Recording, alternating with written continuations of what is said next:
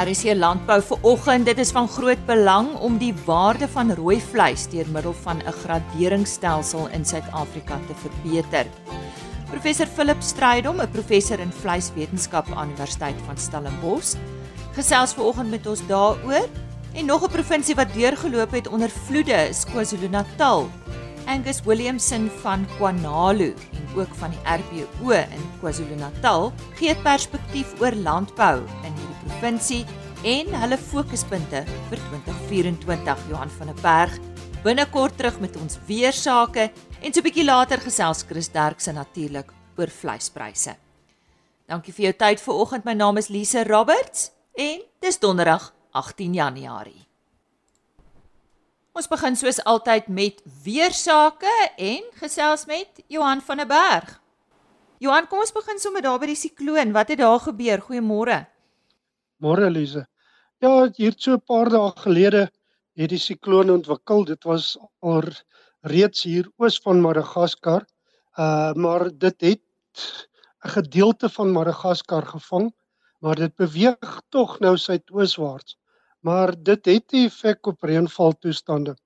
En dan daarmee saam is daar ook 'n redelike sterk laagdrukstelsel. Dit is nou nog nie of dit is nie sikloonsterkte nie in die Mosambiek kanaal die noordelike deel.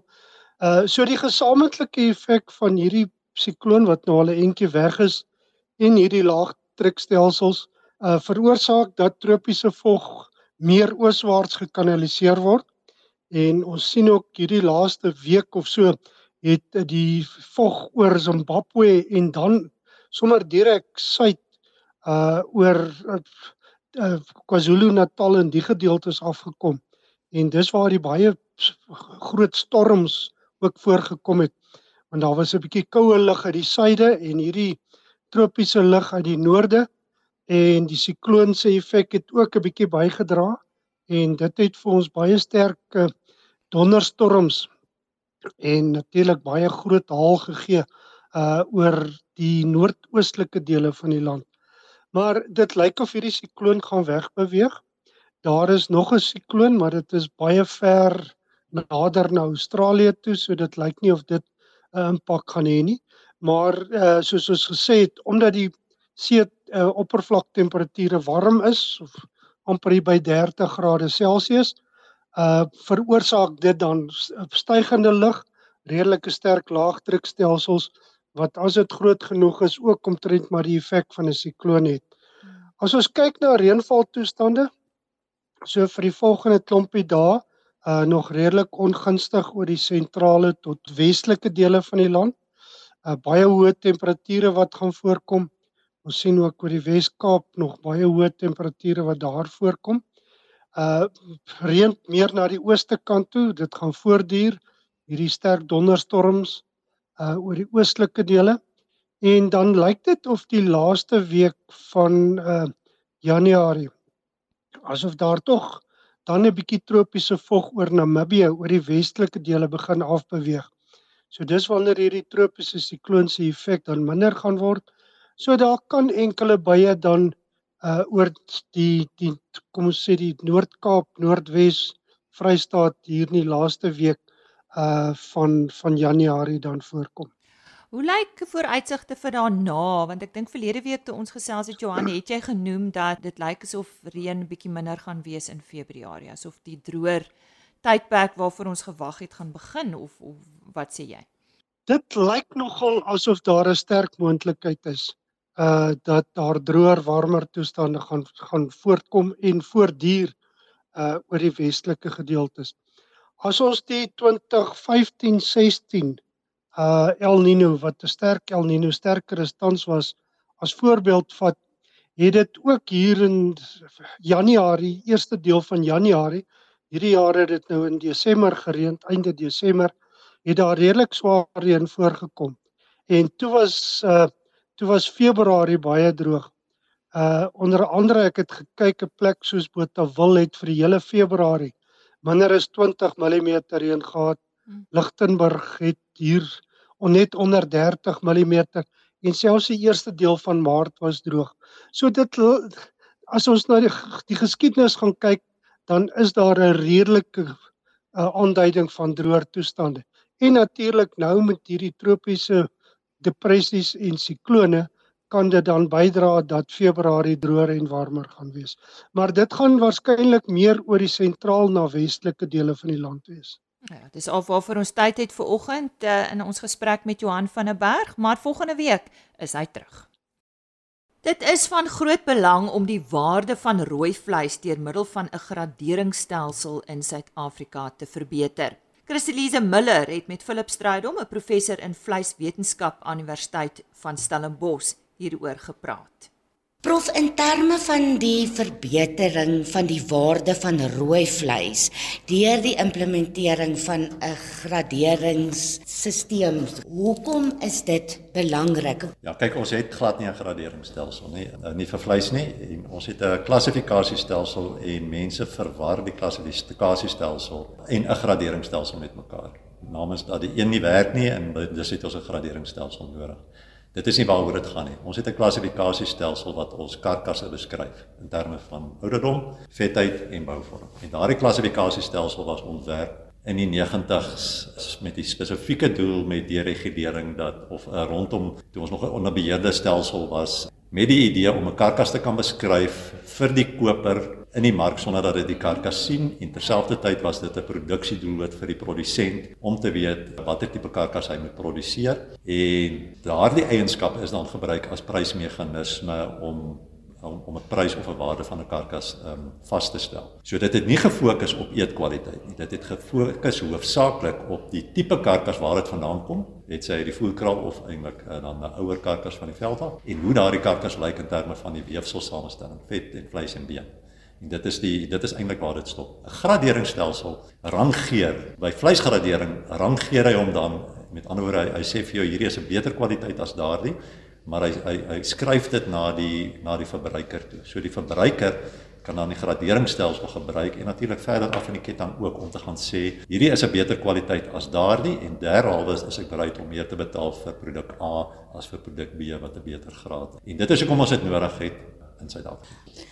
As ons kyk na ander graderingsstelsels in die wêreld en meer spesifiek na die Australiese stelsel, die MSA stelsel. Ja. Um, ons het ons het dit nou maar uitgekies en daar's verskeie redes. Kom ons gaan net 'n bietjie na ander graderingsstelsels toe. Daar's as graderingsstelsels byvoorbeeld in Kanada en in, in die VSA, onder andere in Japan en so aan, maar daardie graderingsstelsels fokus baie sterk op uh, hulle noem dit die ouderdom van die dier of ossifikasie um, en hulle praat van die fisiologiese ouderdom wat ons ook natuurlik ingebou het maar hulle kombineer dit met die marmering in die spier en dit is daai fyn vetspekkel spikkeltjies en so aan.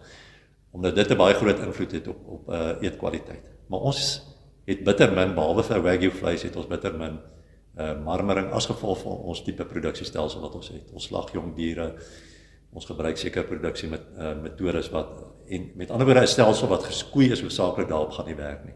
Die MSA stelsel het baie meer gefokus en hy het gaan kyk langs die pad in die hele waardeketting watter ehm um, watter faktore beïnvloed die finale eetkwaliteit. En hy het nou hy het gesê goed dit dit het iets gedoen dit het iets te doen met byvoorbeeld genetika van die dier iets te doen oor hoe jy hom voer of jy groeibevorderaars gebruik hoe oud die dier is, uh of hy stresvoorslagting, wat in die abattoir gebeur, onder watter omstandighede verander daai karkas wat spier is, hoe verander dit na vleis toe?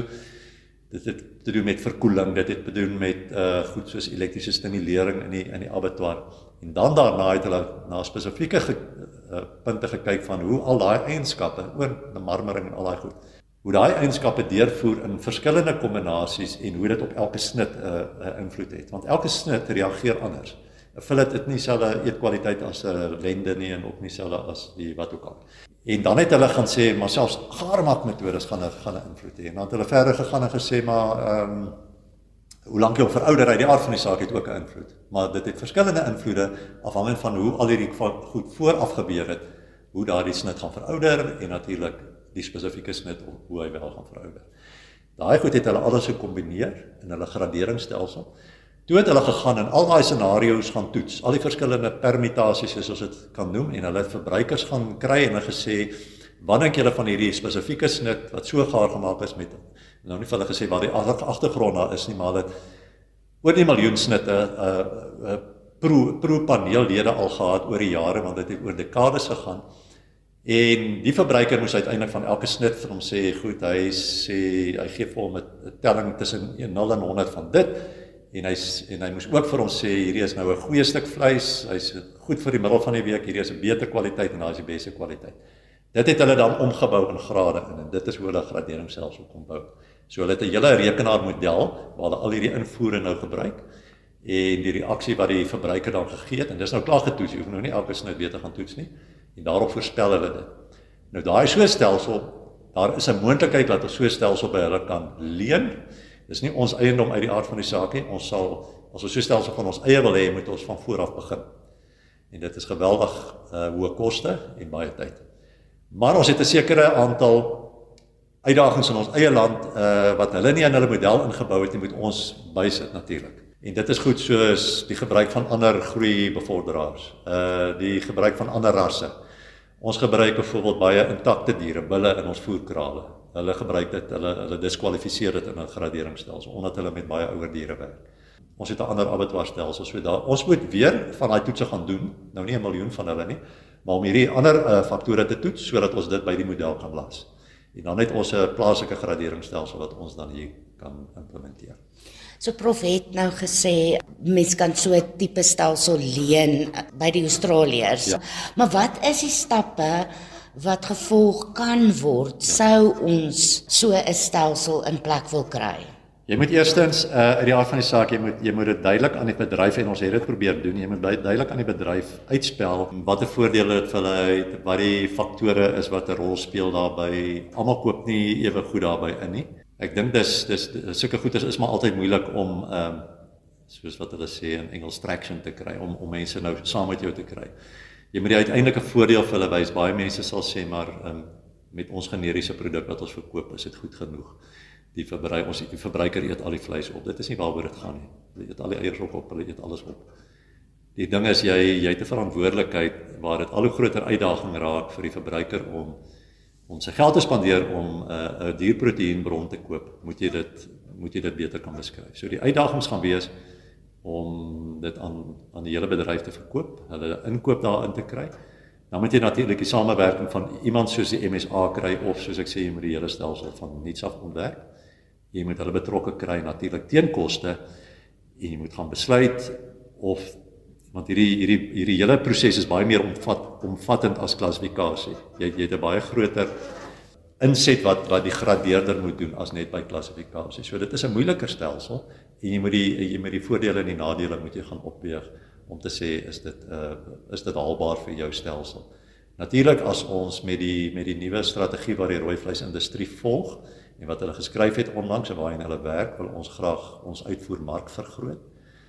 Die die invoerders van vleis in ander lande wil 'n beskrywing hê van die produk. En asof on, ons vir hom sê dis 'n A-klas vleis het hy geen idee nie. So ons moet eintlik op 'n internasionale stelsel hierdie goeder begin bemark. En die MSA is reeds internasionaal soort van bekend omdat Australië 'n groot uitvoermark is. En daarmee sê ek nie gaan 100% in die Australiese stelsel in nie. Ek sê net dit is 'n baie goeie model om te gebruik en pas hom aan. Professor Haalbaar gaan Suid-Afrika so stelsel in plek kan kry. Ja, ek het al ek het al 'n bietjie moed verloor langs die pad want ons twee nou al lank met hierdie ding en ek gaan hom nie implementeer nie. Dit is dis is 'n groot klomp mense met wie jy moet hande vat en die bedryf moet regtig inkoop en jy het 'n baie sterk drywer nodig om om hierdie ding te vat en daarmee te loop en dit te gaan doen. So ek glo in die RMIS, die Red Meat Industry Services en as hulle hande gaan vat met die res van die bedryf en met wetenskaplikes en so aan dan behoort hulle dit dit reg te kry uh, mits die bedryf dit wil hê. Ek sê net dit wat ons vandag vir die verbruiker gee en die potensiaal wat ons het kom nie bymekaar uit nie. Christelise Miller daar in gesprek met professor Philip Strydom van die Universiteit van Stellenbosch. Ons sluit nou aan by Chris Derksen vir ons weeklikse vleispryse. Hierdie pryse is behaal by veilinge in die Noord-Vrystaat hierdie week. Môre Chris. Goeiemôre al ons medeboere. Lisa, goeiemôre. Pryse het so effens teruggesak, maar dis maar meer Januarie se babbelas wat oorlê. Dis niks te ernstig nie. Geef vir julle die presiese pryse. Speenkalvers onder 200 kg het gegaan vir R36.44 per kilogram lewendig vir die mooistes dan van 200 tot 250 kg R35.45 per kilogram lewendig en oor 250 kg R35.12. A klasse was R28.56. B klasse was dan nie vetkoeie wat gaan vir R24.10 en markkoeie R21.28. Slagbulle R26.20. Vanaf die skaapmark was stoorlammetjies R39.26. Slaglammers R39 presies. Stoorskape is baie interessant. As daar BTW opgevra word, dan gaan hulle maar R32.10 en as hulle nie BTW op het, het hulle R38 gegaan. Ding is wat ons gereeld sien is dat die informele mark koop nie graag goed wat BTW op het want hulle is nie gerad om al die papierwerk te doen van terughuisings nie. Vetskape R32.12. Vanaf die bokmark, lammetjies die baie mooi prys van R61.10 en ooe R45.15. En soos altyd, indien ons van u van verdere hulp kan wees, skakel maar enige tyd na 082 8075961 of u kan gaan na www.vleisprys.co.za. Baie dankie. So gesels Chris Derksen net weer daardie webtuiste www.vleisprys.co.za. Ons het die afgelope week of wat met heelwat van ons georganiseerde landbouinstansies gesels. Ons het al reeds met Vrystaat Landbou gepraat, met uh, Agri Noord-Kaap, ook met Agri Oos-Kaap. Vandag is dit uh, KwaZulu-Natal se beurt en vir uh, ons uh, algemene luisteraars, die uh, Agri SA affiliaal in KwaZulu-Natal staan bekend as Kwanalu en ek gesels vandag met hulle visiepresident uh, Angus Williamson. Angus, goeiemôre uh, dankie ook vir jou tyd vandag. Uh, ons is almal bewus van die vloede daar in die Lady Smith omgewing en ek weet, um, ek kom self van daardie omgewing af dat heelwat van ons produsente moes aanplantings doen. Dit is 'n somergraan aanplantingsgebied en groot vee rooi vleis vee area Ehm um, en jy is ook onder meer 'n uh, voorsitter van die RPO in KwaZulu-Natal. Wat was die impak van hierdie uh, baie reën op ons produsente in spesifiek daardie area om mee te begin? Môre môre en uh, welkom in baie baie nat KwaZulu-Natal. Ja, ek dink die die reën wat ons in Desember gekry het, uh, voor dit was dit 'n bietjie droog en toe kry ons baie baie reën. Dit reën nog steeds hier by ons en al vir die hele provinsie al in die Griekeland Oos in die Kokstad Swartberg area, soos jy sê in die Ladysmith area, daar's vloede in die Pietermaritzburg area, daar was ehm um, uh, ongelukkig uh, uh skade daar. En uh, ja, dit is 'n groot probleem op die oomblik. Uh, die boere probeer om kunsmis te gooi vir die mielies en uh sproeiings te doen. Ehm um, daai is 'n groot probleem op die oomblik. Ons sukkel om in die lande te kom. Ehm um, ja, so dit is 'n uh, tamelike probleem. Uh die melkbedryf die melk van die van die koeie uh, daal 'n bietjie af so so die die probleme is daar produksie en so so aan maar uh, ons vat dit so dit so dit kom. Mm. Gee vir ons net 'n oorsig waarmee boer die boere in KwaZulu-Natal. Ek het nou genoem van graan en ek praat nou van sojas, mielies ensovoorts en ek weet uh, daar's van ons groot veeprodusente maar maar dis nie al nie. Wil julle suiker bo daar in die Stanger omgewing wat nog? Ons het uh, langs die kus uh, eintlik het ons baie baie suikerriet boere. Ehm um, ons is tamelik miskien die tweede grootste ehm um, in die land van in die melkbedryf. Ehm um, ons het baie baie melkerye hier veral waar ek is in Mooirivier area, Mooirivier Nottingham Road, ehm um, tot by Crichton, Ikopo, Underberg, Kokstad daai areas. So ons het baie baie melkbore hier in omgewing. Ons het baie baie bees uh, boere veral in die uh, Griekeland Oos area en al Lady Smith, uh Vryheid, dan die uh Wintertonberg wil daai areas en soos jy sê baie graanprodusente. Ons is um ons het miskien uh van die grootste uh varkboerderye hier in KwaZulu-Natal. Um vir uh, en dan het ons baie baie groot um uh pluimvee industrie hier so in KwaZulu-Natal en ek dink hulle sukkel op die oomblik met die voëlgriep en produksie van van eiers en pryse en en aanvraag en daai tipe goed. So KwaZulu-Natal ons ons tik meeste van die bokse in mm. in in landbou. So so ons is tamelik groot in in landbou in KwaZulu-Natal. Wat is van belang om vandag oor te gesels? Ek is seker daar's 'n paar uitdagings as jy net 'n paar goed met ons kan deel. Uh ek dink vir, vir vir ons is uh entings uh vir anthrax en CA en daai tipe goed op die oomblik. Ons weet dat daar is 'n uh, uh miskien 'n paar uitbrake uh van ons bure. So op die oomblik ons het 'n uh, 'n paar boodskappe uitgesit in die in die rooi vleisbedryf om anthrax entings uh tot datum te kry.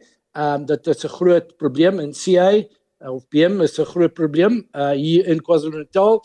Ehm um, en dan ook uh, die een van ons grootste probleme is in die voelbedryf. Ek dink daai die uh, voelgriep wat wat ingekom het het ons baie seer gemaak.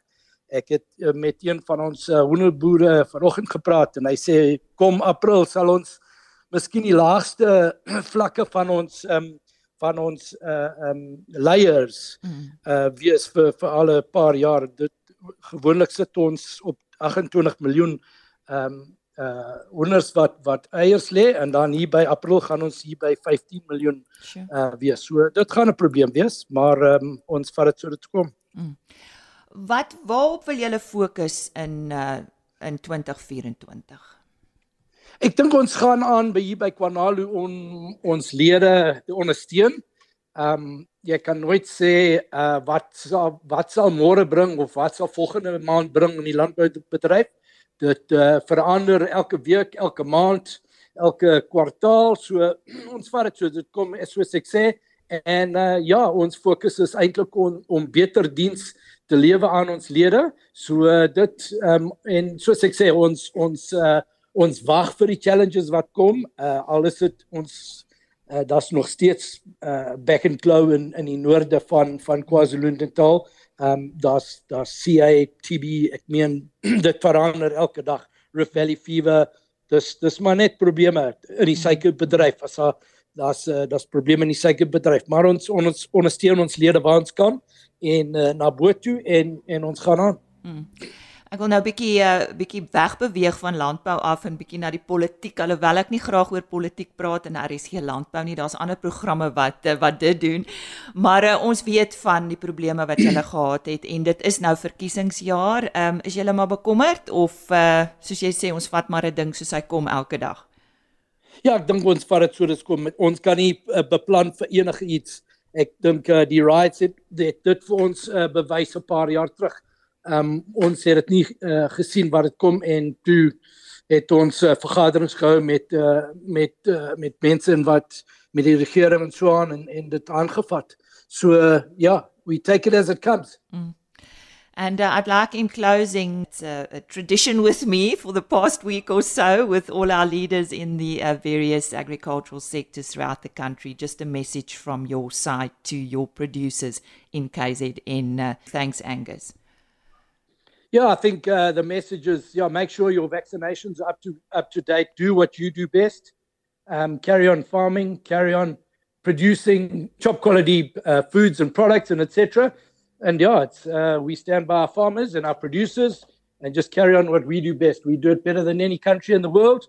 Um, and uh, yeah, South African farmers are resilient, and we will uh, bounce back and uh, take on any challenges head on and come out the better at the end of the journey. So, yeah, good luck. Keep going. We hope and pray for a fantastic season. Uh, prices will stabilize and uh, let's just have faith in what we do. Dis dan woorde van aanmoediging vir ons produsente daar in KwaZulu-Natal. Ek het gesels met Angus Williamson. Hy's visievoorsitter van Kwanalu en ook voorsitter van die rooi vleisprodusente organisasie in KwaZulu-Natal. Ja, dis dan my uh, kuier saam met jou vir hierdie week. Ek is weer maandagooggend 25 oor 5 terug met uh, nog RSG landbou nuus. RSG landbou is as potgooi op rsg.co.za beskikbaar. Jy kan ook gaan kyk by agriorbit.com en 'n e-posadres vir enige kommunikasie rsglandbou@plaasmedia.co.za. Dankie vir die terugvoer tot dusver negatief of positief, jy is baie welkom. Van my Lise Roberts Geniet die res van jou week en rustige naweek vir jou. Totsiens. RSG Landbou is 'n plaas media produksie met regisseur en aanbieder Lisa Roberts.